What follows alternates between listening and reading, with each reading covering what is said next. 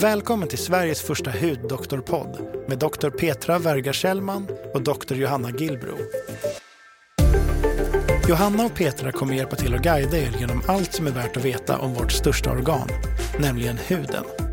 Här pratar de om aktuella ämnen, svarar på lyssnarnas frågor, sorterar bland myterna och diskuterar den senaste forskningen när det gäller hud, hudsjukdomar och hudvård. Den här podcasten presenteras i samarbete med Skinom och Diagnostiskt Centrum Hud. Det här avsnittet handlar om handexem. God morgon Johanna! God morgon Petra! Välkommen åter till vår podd. Ja, alltså det blir bara roligare och roligare tycker jag. Verkligen. fniss, fniss, fniss. Trötta på morgonen här. Ja, men det blir det. Jag som är äntligen lite utsläppt ur eh, någon form av ja, karantän här efter att min sambo haft covid. Och jag som inte haft det. Jag har visserligen tre sprutor. Jag har inte fått några symptom. Och Det är så märkligt. Jag var helt säker på att jag skulle få det och jag har tagit eh, såna här antigentest och det är inte positivt. Jag undrar, antingen så kan jag inte få det eller så har jag haft det tidigare utan att veta om det. Ja. Det du ser det... väldigt frisk ut. ja, men det jäckar mig lite grann. När hade jag det? Men nu kan man liksom inte gå tillbaka och mäta så här. När, om jag, men nu vet jag inte. Liksom. Nej. Nej, ja, ja. Nej. Men nu mår vi i alla fall bra igen. Men oh, nu, här. Hur mår han då? Jo, men han mår bra också. Ja. faktiskt. Två dagar med liksom ganska rejäl feber i och för sig. Han har ju också varit tre, vaccin, tre sprutor. Men, eh, ja. men jag tror, alltså min sambo, han fick ju också, vi var ju sjuka allihopa för några veckor sedan, precis efter jul. Ja. Så ja, men han blev ju sjukare än vad jag blev. Ja. kanske är något sånt där att män drabbas ja, hårdare. Men jag har läst det, så jag tror det. Mm. Men för ja. mig kändes det bara som en liten förkylning. Ja. Men, eh, men det, det svåraste är ju som sagt det är att vara i karantän. Ja, precis. Nej, och sen undrar man ju om man har ja, haft det eller inte. Jag hade ju någon gång innan jul hade jag ett dygn med typ rinnande näsa. Men det var så där snabbt så jag typ knappt hann, hann reflektera över det och så vidare. Så jag tänkte, ja, men kanske var det då då jag hade ja. någonting. Ja, jag vet inte. Ja, ja, hoppas att det nu är ett minne blott med i alla fall alla dessa karantänsregler och alla, ja, allt elände får man väl ändå säga som ja. har varit. Och ja, men... Eh, ja, alla svårt sjuka människor också förstås. Ja, men jag tror man ser ljuset i tunneln nu faktiskt. Nu blir det liksom som en vanlig förkylning. Ja, exakt. Och den kan man få flera gånger och det håller man ju inte på och mäter och kollar vad det är för någonting. Min mellanson har haft det två gånger redan också. Så att eh, det är väl bara... Ja. Men undrar, det här, alltså undrar om man kommer... Eh, för jag menar, innan covid så hade man en förkylning och var lite snuvig. Det var ju inte det att man stannade Satt hemma för det. I karantän? Nej, nej. Nu har ju de, nästan de allra flesta i alla fall som jag känner till, eller i bekantskapskretsen, haft omikron i alla fall. Ja. Men det är ändå så här att eh, om man ska ha en middag. Att ja, jag har varit lite snuvig. Men har du testat? Ja, jag har testat. Det är ingenting. Ja, men då kanske vi inte ska ses. För Nej, jag är ändå lite snuvig. Om det kommer fortsätta. Jag, ja. eller? Nej, men vem vet? På ett sätt så kanske vi kommer att ändra lite grann att vi inte, jag menar, att, vi, att vi tar lite mer hand om oss och håller. Jag menar, varför mm. inte ha munskydd om man är lite snuvig, ja. ärligt talat. Och, och sen det här, ja, jag vet inte, ta i hand och allt sånt där. Och jag undrar, vi har ju alltid tagit eh, patienter i hand när de kommer, men eh, de här två åren har man inte gjort nej. det. Och det, nu känns det nästan konstigt att man ska gå tillbaka till det. Har men du börjat sidan, göra det? Nej, men det känns som att det är så pass nytt nu att det har släppt. Så att, men undrar om man kommer att göra det igen eller om man, ja, eller man behöver ja, nej, jag vet inte. Jag tror att nej, det blir som det blir. och... Eh, Ja, man vänjer sig samtidigt så jäkla snabbt vid allting. För innan tycker jag det var ganska otänkbart att inte hälsa på patienter. Ja. Och jag vet att många patienter faktiskt tycker det. Sen finns det alltid några som tycker att nej, vad ska man hålla på att ta i hand och så vidare. Det finns ju alltid ja, några som har egna åsikter. Men, eh, men nu har man vant sig vid det så himla mycket. Ja. Och nu känns det nästan så att det skulle vara konstigt om man började igen och tafsa på alla händer. ja, men verkligen. Men hur gör du? Gör du den här vevande gesten? Jag vinkar lite glatt. En Madeleine-vinkning. Nej, jag, Nej, men jag vinkar lite så här, hej, hej. Så här, ja, typ faktiskt. Ja. För, för nu förra veckan, nu är det ju måndag idag, men förra veckan var faktiskt den första veckan som jag kramade folk. Ah. Så där, som man ändå hade... Ja, du ser. Ja. Ja, men det var ju som någon sa å andra sidan. Ha, nu släpper restriktionerna i Sverige. Nu behöver man inte hålla två meters avstånd. Då kan svenskarna gå tillbaka till att ha fem meters avstånd igen. Så många tycker att vi är ganska... Ja. Gud vad roligt. Gud vad ja, roligt. men på tal om skaka hand då, så ska vi väl prata lite om våra händer idag och mm. handexem. Och det är ju någonting som eh, är ganska dels är det vanligt med torra händer och handexem, men jag tänker också den här tiden på året med eh, vinter och att det fortfarande är vinter och kallt mm. gör ju att eh, sådana saker som handexem gärna blomstrar. Så tänkte ja. vi, eller jag tänkte, vi tänkte att prata lite om hur man tar hand om sina händer. Ja. Vad man ska tänka på och inte. Men hur, ehm, för vi har fått många frågor till eh, till vår podd om just tandexem. Det är ju nu som de här frågorna dyker upp. Men träffar du många patienter med handexem just nu som söker för det? Ja, det gör jag faktiskt. Eh, det är många som eh, har torra händer och gärna då att det kan bli lite eksem och klia och sen en del som får också mycket sprickor och lite självsprickor och sånt. Mm. Och eh, det är ju absolut vanligast eh, den här tiden på året. Och många patienter kan också säga att nu får jag det här i år igen. Det kommer mm. typ alltid på vintern. Mm. Däremellan är det kanske relativt bra på mm. övriga delar av året. Så det är klart att det är ju för de som inte har jättemycket eksem och liksom handeksem så är det ju en, en lite årstidsbunden mm. åkomma precis som många andra eksemvarianter.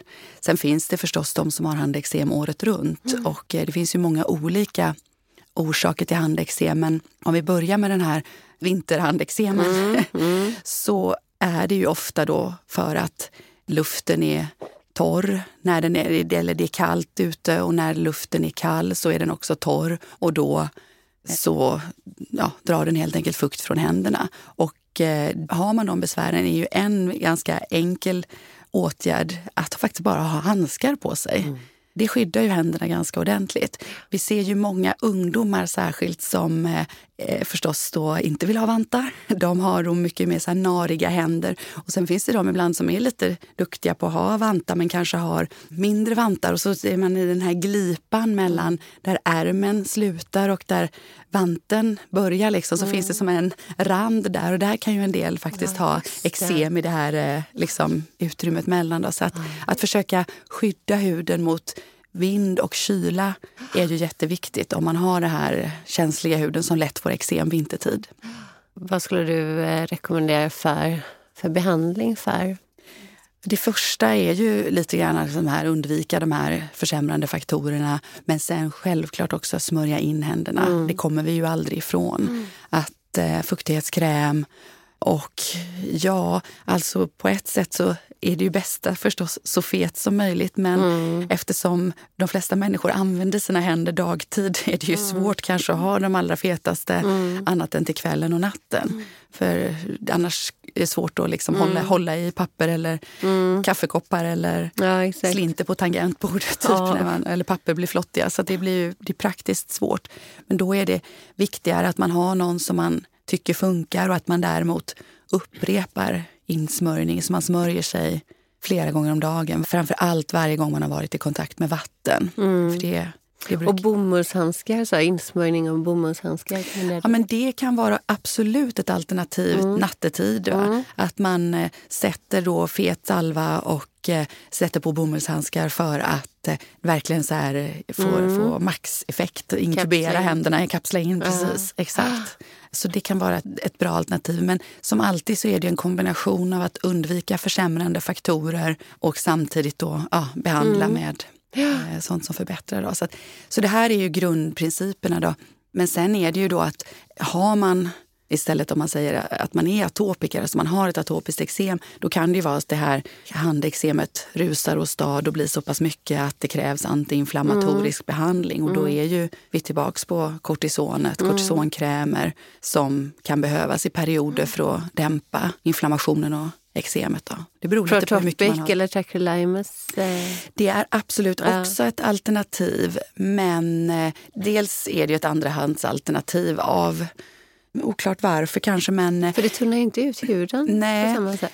Och använda i korta perioder så gör ju inte kortison det heller. Men det är klart, blir det väldigt långvarigt, att det inte blir bra och måste använda kortison i långa perioder, då är ju inte det bra. Nej. Det är verkligen sant.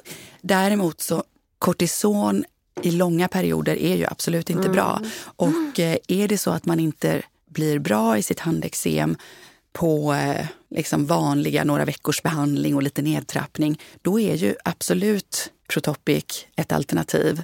Då kan man ibland växla också. Det som är nackdelen med Protopic är att den är ju däremot i salvform. Den är ju väldigt fet, Ja. så den är ju svår att ha dagtid.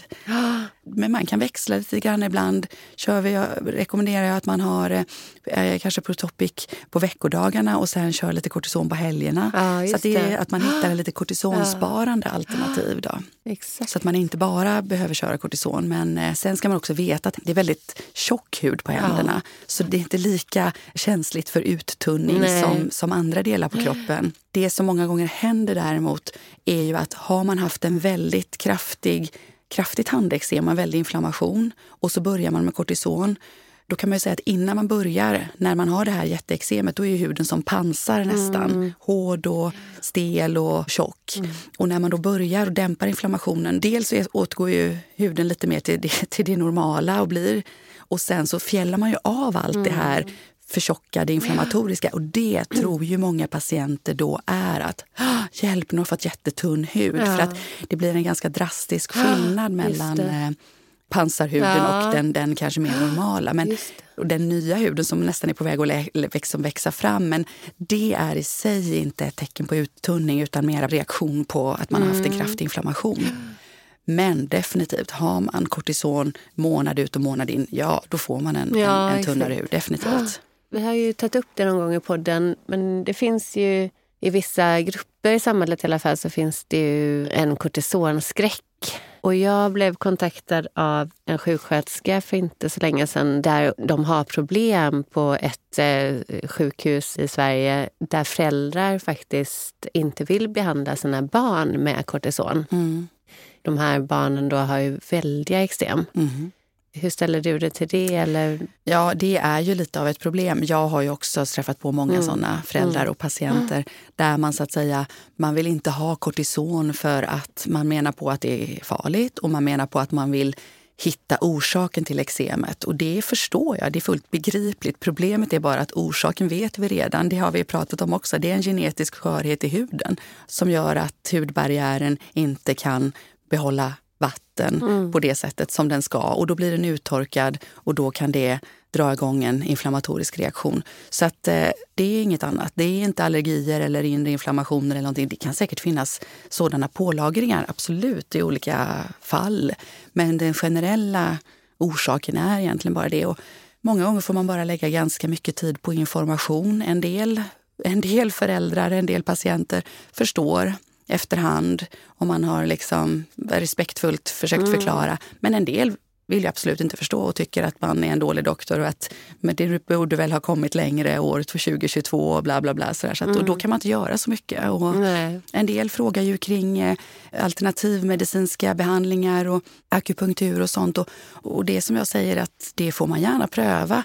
Jag säger inte att det inte funkar, men det är inte mitt. Nu är jag, jag, jag representerar ju på något sätt bara den traditionella medicinen och kan liksom inte men det finns ju andra som kan de andra bitarna och vill man pröva det så får man ju gärna göra det. Jag tror inte att det är skadligt på något sätt men jag kan inte, jag kan inte skriva ut det som en behandling så att säga Nej. utan det får man välja själv i så fall. Men en annan sak som är ju viktig och för att jag rekommenderar ju inte heller om vi går tillbaks till liksom vuxna individer eller de med väldigt mycket besvär att man ska bara slentrianmässigt smörja kortison Nej. vecka ut och vecka in och månad ut och månad in. Utan då har vi också andra alternativ. Det finns ju idag finns ju faktiskt olika tablettbehandlingar som kan bromsa svåra handeksem. Det finns eh, något som heter Toctino som är inom faktiskt eh, retinoidgruppen som Ja, alltså är en släkting till isotretinoin som vi ju har pratat om i olika sammanhang som vi använder mot akne. Och eh, Men det använder man med också för iktyos? Precis, det kan man göra. Och man använder det vid svåra handeksem. Och det har ju många gånger en bra effekt, men det har också en del bieffekter. Så att, men det kan vara alternativ att pröva. Det finns också ja, vissa andra antiinflammatoriska mediciner som sagt var, som man kan pröva om man inte kommer till rätta med mm. lokalbehandling. Ljusbehandling kan man också ja, pröva absolut. faktiskt. UV. Det är ju, och det är intressant för på sommaren när man har just UV-strålningen så och gärna då i kombination med salta bad så förbättras ju verkligen eksemen. Det kan ju ha med luftfuktighet och allting att göra men, Absolut. men det är ju verkligen säsongsbetonat. Ja, ja, ja. Så, att, eh, så, det, så det finns många behandlingsalternativ. Men eh, det viktigaste är ju att ja, om man nu då har eh, ja, att man, som vi sa tidigare, försöker minska på försämrande faktorer. Alltså eh, återfukta, undvika mm. kyla, blåst och så. Och sen eh, ja, får man behandla om det, om det blir inflammation. Då. Mm. Men det här är, ja, det här är ju de, de handeksemen tänker jag, som, som har att göra med eh, att man har liksom en känslig hud eller en torr hud eller en atopisk hud. Men sen finns det ju faktiskt regelrätta allergiska handeksem mm. också. Mm. Där du har en kontaktallergi. Mm. Och eh, de är ju lite annorlunda. Man ska veta att det kanske bara är en, alltså en av tio som har där handeksemen beror på kontaktallergi, eller kanske ännu mindre. Mm. Det är inte så vanligt som man tror. Många med handeksem tror ju att ja, det måste vara någonting jag kommer i kontakt med. Men det vanligaste är ju, förutom det här, som, är ju det här med vattenkontakten mm. som vi har pratat om tidigare, mm. husmorsexem kallades mm. det lite tidigare för att det var husmödrarna som stod med ja, skala potatis och diskade ja. och sånt där. Och då, vatten torkar ju ut händerna, då, eller huden också, men nu pratar vi händerna. Men då kan vi prata om fukt. Det har vi ju belyst eh, tidigare. Men just när det gäller fuktighetskräm så eh, är det ju en... Eh, just tvätterskor eh, förr i tiden, där eh, kissade man ju faktiskt på sina händer. Just det. För att hålla, och det, det använder vi fortfarande idag. Det låter ju helt absurt, men just urinämnet urea, eller också kallat karbamid, och det använder vi ju, det här urinämnet urea eller karbamid i eh, exempelvis Canoderm. Sen kan ju det tyvärr svida lite i så höga koncentrationer, speciellt när man har en eh, störd barriär. Det är sant. Men det är definitivt fuktbindande. Absolut. Men det är skönt att man har fått det ner i en krämform så man slipper hålla på kissa på händerna. Men visst, ja, det är så. Det är, ja, det är gamla spännande tekniker. Ja. Och sen mm. funderar jag på om vi... Jag tror faktiskt vi kommer se eh, förhoppningsvis mycket inom mikrobiomet. För just ja. inom eh, atopiskt eksem och den, när man har den här skörheten så eh, har man också sett nu att det är en väldig obalans i mikrobiomet. Eh, både i huden men också i tarmen på de här patienterna. Okay, ja. eh, så att frågan är om vi kommer att se liksom skräddarsydda behandlingar, eh, kanske probiotika eller prebiotika, alltså att vi äter en viss sorts fiber som boostar då den goda bakteriefloran. Och det här tycker jag vi kan prata mer om med eh, Lars Engstrand kommer hit. Absolut, det ska vi göra. Ja. ja. för jag tror faktiskt precis som du, jag är ju mera insatt egentligen i hudens mikrobiom, men där, och där eh, är det ju precis som du säger att man man misstänker olika sorters förändringar. Och det kommer ju mer och mer faktiskt som marknadsförs krämer, salver med olika då bakterieinnehåll eller ja. vad man ska kalla det. Dock är de inte så utvärderade ännu. Men, men det betyder ju som vi brukar säga inte att det inte funkar utan det kan vara att det är början av det och att det inte har utvärderats. Så att det är väldigt, väldigt spännande område att ja. följa. Men där ska man komma ihåg att det som finns på marknaden nu och det är inga läkemedelsbehandlingar ännu utan det är kosmetik där man har tagit bakterier. Exakt. Eh, men det som man ska komma ihåg det är att i dagsläget så är det ju bara mjölksyrabakterier som man har tillsatt då i, en, i en olja speciellt. Och det ska man också komma ihåg att är det marknadsförs det som probiotika, alltså levande bakterier, då måste det vara en vattenfri kräm egentligen, för annars kommer de här bakterierna växa till och sen dö av jättesnabbt. Aha, okay. Så att eh, för att göra en, en eh, kräm eller en olja då med eh, eller ett serum med levande bakterier, då måste den vara helt vattenfri. Så vi håller på att jobba med det jättemycket nu och har eh, ja, men, eh, spenderat väldigt mycket tid i utvecklingen. Mm. Wow, vad spännande. Eh, ja, och då har vi en helt vattenfri kräm kan man säga. Och sen måste vi till och med ha såna här strips i som, eh, som tar bort om det nu skulle komma in vatten, att det faktiskt binder det vattnet som kommer in. För annars så förökar de sig snabbt och sen dör de av liksom, dör de det blir för många. Okay. Så att, men mm. det som jag tror kommer komma i framtiden mer, för jag menar mjölksyrabakterier, det, det, ser, det har man i och för sig sett har god effekt på huden. Men det är ju inte den normala miljön för mjölksyrabakterier att vara på huden utan det har vi mest i det vaginala området eller tarmen. Ah, så att det. Eh, det som man tror kanske kommer komma det är att vi tar ut de goda bakterierna från huden och kultiverar dem utanför kroppen och sen tillsätter dem med en kräm. Och där har man bland annat sett en studie, det är verkligen bara såna case report-studier så det kanske inte säger sådär jättemycket, men då tog man ut en bakterie som man såg att eksempatienterna inte hade så mycket av, Rosomonas heter den. Mm. Eh, eksempatienter har ju mycket av Esaurus. Mm, just det. Så att det är en obalans i Esaurus och eh, Epidermidis. Mm. och Eh, då tog man ut den här eh, Rosiomonas, odlade upp den i ett stort antal och sen tillsatte man den i en sprayform och sprayade på patienter. De är, det är verkligen bara ett fåtal patienter. Eh, men man såg jättegoda resultat. Spännande. Som ja. var definitivt likvärdiga kortisonbehandling. Mm, man måste ju börja någonstans. Ja, ja. Spännande. Och Eh, det är ju väldigt kul med det här mikrobiomområdet. Mm. jag ska ju faktiskt äntligen, får jag säga, åka nu på det amerikanska årsmötet oh. i dermatologi. Jag är så glad nu här i slutet av mars. Oj, vad kul. Ja, och det har jag gjort sedan 2019. Alltså, så att, äh, det är i Boston. Ja, just ja. det. Och eh, tidigare år, jag har varit på ja, de senaste åren när det har varit eh, eh, alltså att man, man har kunnat åka dit så har det ju egentligen aldrig varit något större fokus på mikrobiom. Nej. Men nu är det jättemånga ja. eh, rubriker och många områden eh, där, där det här kommer att diskuteras. Så det ser jag verkligen fram emot. Det ska bli spännande. För jag tror verkligen att, ja, att vi kommer att få vara med om en ny era där ja. mycket kommer att hända i alla fall. Jag tror också det. Men då kommer vi kunna dela, för jag ska till i maj till Haag. Det är också en, en eh, mikrobiomkonferens wow. bara på, på huden. Wow. Kanske jag följer med dit också. Ja. Eller så får du berätta för mig.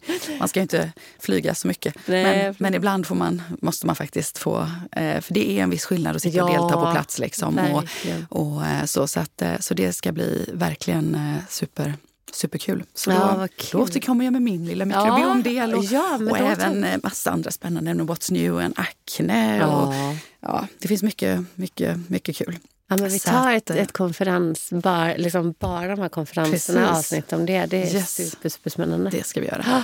Nej, men eh, egentligen så är det väl det som sagt var när det gäller handeksem. Det enda jag tänkte gå tillbaka till där, det är ju ändå de här kontaktallergierna för att de ter sig, eh, vill bara liksom att de nämns ändå. Att de, och de är ju lite annorlunda än eh, de vanliga handeksemen. Dels är de ofta väldigt ilskna, kanske många gånger mer ilskna än, eh, än eh, handeksem som beror på uttorkning och vattenkontakt. Framför allt så är de ofta ganska snabbt påkomna. Att när de väl dyker upp så går det liksom lite från en dag till en annan väldigt kraftigt. Mm. Ofta. I alla fall om om eh, kontaktallergin är, är stark eller vad ska jag säga. Men sen är det ju också att är det handeksem som inte ger med sig, som inte svarar på behandling, även om de är lite mer låggradiga, så tycker jag att man ska eller kontrollera. Man behöver då checka om det finns någon eh, kontaktallergi. Va? Så att, då gör man sådana här lapptest på ryggen. Ja, mm. Man sätter på lappar med de typ 30 vanligaste mm. ämnena. Som, det är ju inte något som vi själva hittat på utan det här är ju ofta standardserier. Ja. Ja. kallas det då för både EU och USA och sånt. Så att eh, det finns då grupper som har kommit fram till att det är de här allergiframkallande ämnena, alltså de här allergenerna som, som eh, är de eh, vanligast förekommande. Och Och, och så testar man helt enkelt mot dem. Då, då får man gå med de här lapparna, 30 små lappar på ryggen i tre dygn och sen så kollar man efteråt mm. om det har blivit några reaktioner. För det är det som är grejen. Är man kontaktallergisk, då är man allergisk över hela ja. kroppen. Så att, eh, om du får det på händerna eller om du får det i ansiktet eller om du får det på ryggen så reagerar du. Ja, liksom. Så det är ett, ett, ett sätt att, att testa detta. Då. Det kan man ju testa eh, själv också om man, om man tror eller man misstänker att man är allergisk mot någonting, en hudkräm till exempel. Då kan man bara tillsätta lite i böjvecket för där reagerar Precis. man ju väldigt snabbt. Det är tunn hud där ja. i armvecket, exakt. Och, eh, och eh, ett ämne som är vanligt förekommande som till exempel nickel mm. ingår ju i de här testerna och där vet man ju redan från början nästan att typ 30-40 procent ja. av befolkningen är ju nickelallergisk för att vi har exponerats så mycket för nickel under mm. livet så att eh, det mm. finns överallt. Så, att, så det är oftast inte så förvånande. Många Nej. vet att de kanske är lite nickelallergiska. Sen gäller det ju om man hittar något resultat i de här allergierna så gäller det ändå att försöka koppla det till är det det här som är orsaken till att patienten har besvär eller är det bara ett bifynd? Och det kan mm. ibland vara lite lurigt. Så att, för som sagt var, många är ju nickelallergiska och man fångar det på de här lapptesterna. Men det betyder ju inte att handeksemet egentligen, om man inte är i kontakt med nickel, Nej, så, eh, så kan man ju ha så att man får, man får klura lite också ja. och verkligen sätta det i samband med det som vi kallar exponering. Alltså när patienten i fråga eh, är, alltså när eksemen kommer har man varit i kontakt med mm. någonting då. Mm. Det kan ibland vara lite lurigt. Och vi vanliga hudläkare så att säga, vi har ju en del av de här grund, grundutredningarna. Men sen är det så att, att man hittar och allergier och så vidare men eh, inte riktigt kan sätta det samman så finns det faktiskt yrkesrelaterade mm. hudläkare som, mm. som gör kontaktutredning då med ännu fler, har en, tillgång till ännu fler ämnen mm. då som man kan se om det finns som en, ja, saker och ting man kanske ja, kommer i kontakt med. Någonting. Om det till exempel är extremt eh, relaterat till eh, att man är på jobbet eller sådär. Mm. Så, eller man i någon speciell aktivitet. Så, mm. så, eh, mm. så kan man, för då, då, det kan vara svårt att hitta ibland. Då kan man, då kan, då kan man få be, be om hjälp att ja. få dem klura vidare helt enkelt. Mm. Eh, men som sagt kontaktallergier är inte så vanligt som man tror, men, men det, det förekommer absolut. Och, eh, och det är ju så också viktigt att veta att ingen föds ju kontaktallergisk, mm. utan vi blir ju, det här är ju någonting vi utvecklar mm. eh, under resans gång. Så ju mer ämnen vi kommer i kontakt mm. med, ju större risk är det ju att man eh, utvecklar allergier. Så att, eh, därför är det också så att ämnen som är vanligt förekommande i omgivningen, till exempel då nickel, mm. är ju väldigt många allergiska mot. Mm. Ju mindre molekyler, små, små, ja, små metaller. Exakt, exakt. Och mm. där ska man komma ihåg också, just det, exponerar man sig för mängder av ämnen i hudvård, exempelvis. Jag menar, vi har ju, en kräm kan ju vara uppemot 50-30, eh, mm. ja, 50, uppemot 50 ingredienser i en kräm. Applicerar du fler kräm mm. krämer eller makeup eller foundation eller eh, puder så är det ju också väldigt många fler ämnen som du kommer i kontakt med. Använder du även då kemisk peeling så kommer ju de här ämnena ännu lättare att komma ner till immuncellerna, till de Langerhanska cellerna och kanske då på sikt eh, orsaka en allergisk reaktion. Absolut, för då har du ju med peelingen tagit bort det, liksom lite skydd, skyddslagret ja. liksom, så att ämnen lätt, ännu lättare tränger ner. Ja, men så är det absolut. Så att, eh, nej, men, men, men visst, visst är det så. Man får vara lite försiktig med eh, vad man... Ja, eh, vad man, vad man eh, smetar på sig. Samtidigt är det så att många ämnen eh, vi vet ju vissa ämnen som är liksom på svarta listan så att säga. Men, men eh, man kan ju bli, faktiskt bli kontaktallergisk mot egentligen vilket ämne ja. som helst. Så det är ju Exakt. rätt individuellt mm. eh, på något sätt. Så att egentligen är det inte alltid krämens fel heller om det inte är så att det innehåller typ uppenbara aller allergener som alla känner till. Men eh, egentligen kan man ju nästan bli Ja. Alltså kontaktallergisk mot, mot det mesta. I alla fall ja. små vattenlösliga molekyler som ja. tränger in i huden. Så. Ja. Ja, nej men eh, vi kanske ska avrunda här då. Vi vet vi att eh, använd, vad ska vi säga, använd handskar på vintern, återfukta huden, eh, använd handkräm, undvik vattenkontakt. Det är väl de stora, viktigaste tipsen. Och sen, ska, sen eh, spanar vi vidare vad som händer i mikrobiomområdet. Speciellt inom exenområdet, för det är ju där Yes. det faktiskt eh, forskas Ja. mest. Ja, så kul! Tack för att ni har lyssnat. Tack så mycket! Ha en härlig dag och eh, vi hörs på nytt. Ja, vi ses snart igen. Ja, det gör vi. Hej då!